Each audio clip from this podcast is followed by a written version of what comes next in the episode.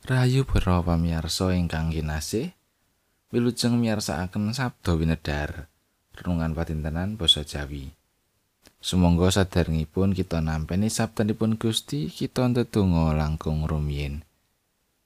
Duh Gusti Allah Rama kawula ing swarga mulya. Matur nuwun Gusti, sedaya berkah paduka tansah kawula raosaken ing gesang kawula. Wekdal mirunggan menika kawula sumadyo badhe nampeni pangandika paduka. Sumangga mugi Roh Suci paring pepadang. Satemah kawula kasagetaken mangertosi lan ndakaken dawuh paduka. Matur nuwun Gusti. Kathah dosa penerak kawula mugi Gusti paring pangaksami. Wonten ing asmanipun Gusti Yesus Kristus kawula ndedonga lan saos syukur. Amin. Maosan kapendet saking setunggal Petrus bab kalih ayat 19 ngantos selawe. Jalaran menawa wong rumangsa kakarsakake dening Allah nandang sangsara kang ora samestine kasandang iku sih rahmat. Sebab menawa kowe digebuki marga tindakmu kang ala, apa iku kena kaalembono? Nanging menawa kowe tumindak becik sarta marga saka mangkono kowe nandang sangsara iku sih rahmat ana ing ngarsane Gusti Allah. Jalaran iya tumrap kang mangkono iku anggon muka timbalan. Marga Gusti Yesus Kristus iya wis nandang sangsara kanggo kowe. Sarta wis nilari tulodo marang kowe supaya kowe uga tumindak kaya panjenengane. Panjenengane iku kang ora gawe dosa sarta ing tutuke ora tinemu ana cidrane. Nalika panjenengane dipisui, ora males misuh.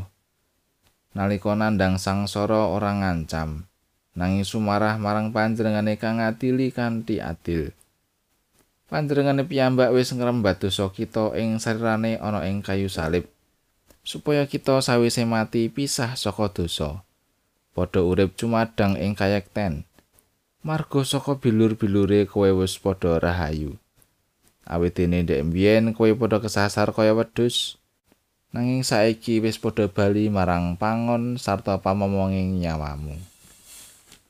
Mangkatan pangandikanipun Gusti, ayat na saking ayat selikur. Jalaran iya tumrap kang mangkono iku anggon muka timbalan marang Gusti Yesus Kristus iya wis nandang sang soro kanggo kowe sarta wis nelari tulodo marang kowe supaya kowe uga tumindak kaya panjenengane. Guru kencing berdiri, murid kencing berlari.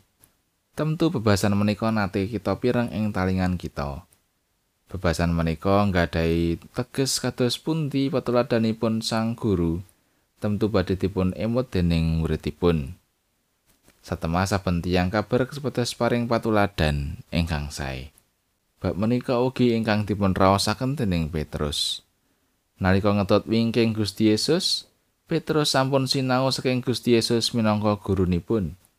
menapa ingkang dipun sinau dening Petrus gegayutan kalian bab kasangsaran ing pundi Petrus mangertos bilih kasangsaran ingkang dipun sandang Gusti Yesus menika minangka piranganing rancanganipun Allah rancangan bab kababaring kawulujengan tumrap manungsa mirungganipun tiyang ingkang pitados dumateng panjenenganipun saking menika mila Petrus negesaken badhe ketut wingking Gusti Yesus kanthi sumadyo nandang sangsara Bab menika kados dene ingkang dipun ngendikaken dening Gusti Yesus piyambak.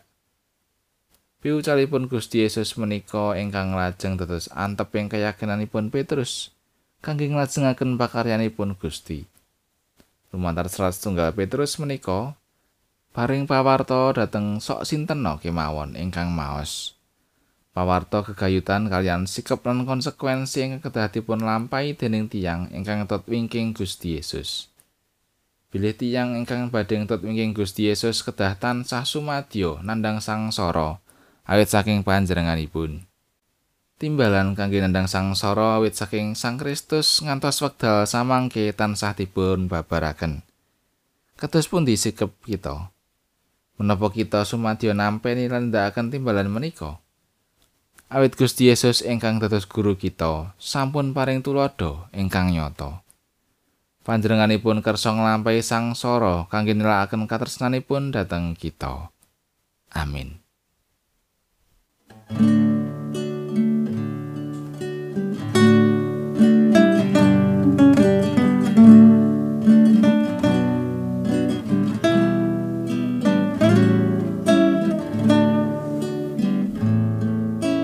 Gusti mugi sampun ngantos nilar kawula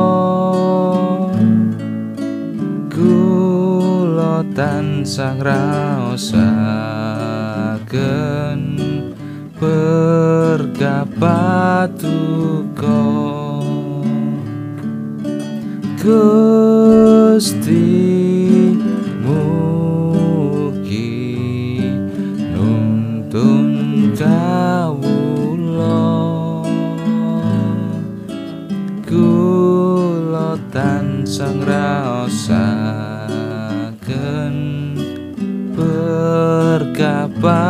berkah patuko